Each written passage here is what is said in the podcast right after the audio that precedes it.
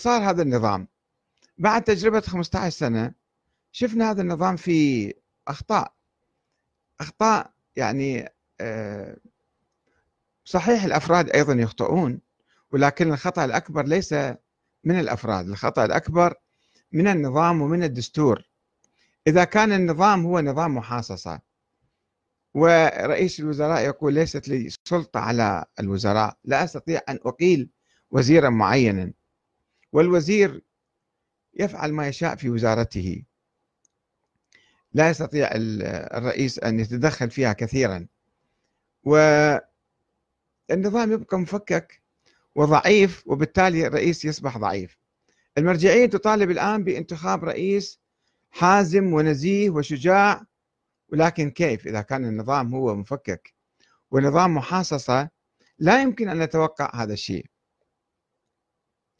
لذلك كانت هناك مطالبة بإما تشكيل حكومة أكثرية وقسم آه، من الفائزين بالانتخابات يروحوا للمعارضة ويعارضوا هذا حتى يكون في مراقبة ومحاسبة ونقد بصورة مستمرة. أما إذا كلهم شاركوا في في النظام وفي الوزارة فلا أحد يحاسب أحدا بعد ذلك. ولذلك كل واحد يأخذ حريته أن يسرق وينهب ويلعب ويعجز ويفشل ويفعل ما يشاء ولا يوجد أحد يحاسبه.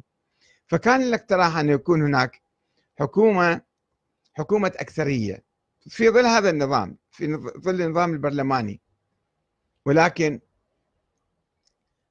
بعض الأحزاب لا توافق على ذلك لأنها تشعر أنه إذا بقت في صفوف المعارضة سوف تخسر. لا تستطيع أن تسرق وتنهب وتشارك في الكعكة كما يقولون. فيرفضون يريدون كلهم يشاركون حتى كلهم يحصلون. وكان هناك اقتراح أكثر جذرية من هذا أن يكون هناك نظام تغيير في هذا النظام نظام رئاسي. البعض يتخوف يقول النظام الرئاسي يعني ديكتاتورية. في في مقابل هذا البعض يقول نحتاج إلى حاكم عسكري نحتاج إلى حاكم ديكتاتور. دكتاتور عادل لا يمكن أن يأتي بالانقلاب العسكري. سوف يكون ظالما لا يكون عادل أبدا. يستحيل أن يكون الدكتاتور عادلا. دكتاتور يعني ظالم. وخاصة إذا جاء بانقلاب عسكري بميليشيات أو كذا. فكيف نحصل على حاكم قوي وشجاع وأيضا ديمقراطي منتخب من الشعب؟ نستطيع ذلك؟ بإعطاء صلاحيات واسعة وبانتخابه مباشرة من الشعب فيكون نظام رئاسي.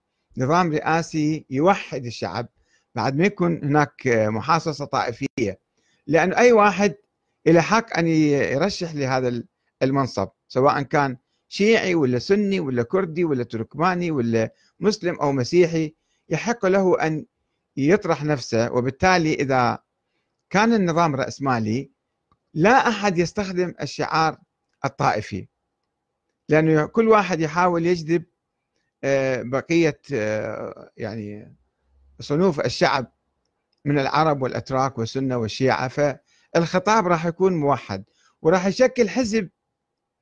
هذا الرئيس المنتخب من الشعب يشكل حزب أيضا وطني ديمقراطي مو طائفي ولا قومي ولا محلي ولا عشائري. راح يكون عندنا حزب ديمقراطي وطني. في هذه الحالة راح نخلص من المحاصصة ويكون عندنا نظام قوي. صحيح قد تكون هناك في مخاطر أن يتحول إلى شيء من الاستبداد ولكن ماذا نفعل؟ إما أنه نقبل بالحكومة الضعيفة المفككة حكومة المحاصصة أو نقبل بحكومة آه، انقلاب عسكري ودكتاتور ظالم. فالحل الوسط أنه صحيح هو في شوية قد يكون يعني آه، قوي رئيس قوي بالتالي سوف يعني يحاسب آه، كثير من الناس ولا يرضى عنه كثير من الناس ولكنه أفضل من الرئيس الضعيف لأنه سوف يتعهد ويتحمل مسؤولية ويتابع ويحاسب الوزراء والموظفين وبالتالي هو المسؤول الأول في البلاد. هذا الشيء ما ورد في خطاب المرجعية. المرجعية بعدها ما مبلورة فكرتها بصورة واضحة. هي طالبت أنه خلي النظام يلبي مطالب الشعب بسرعة مثلا وخلي الحكومة تشكل بسرعة. هذه أشياء طبيعية. الآن هو يعني العدوى الفرز راح يخلص بعد يومين ثلاثة وراح لازم تشكل الحكومة ولكن هذا مو حل. يبقى يبقى النظام الضعيف ضعيف. ضعيفا ولا يستطيع أن يحل مشاكل الناس. لماذا لم يحل النظام السابق أو الرؤساء السابقون المشاكل؟ لأنهم ضعاف. فلا بد أن يكون هناك حوار بين المثقفين بين المنتفضين بين المتظاهرين وبين كل يعني فصائل الشعب.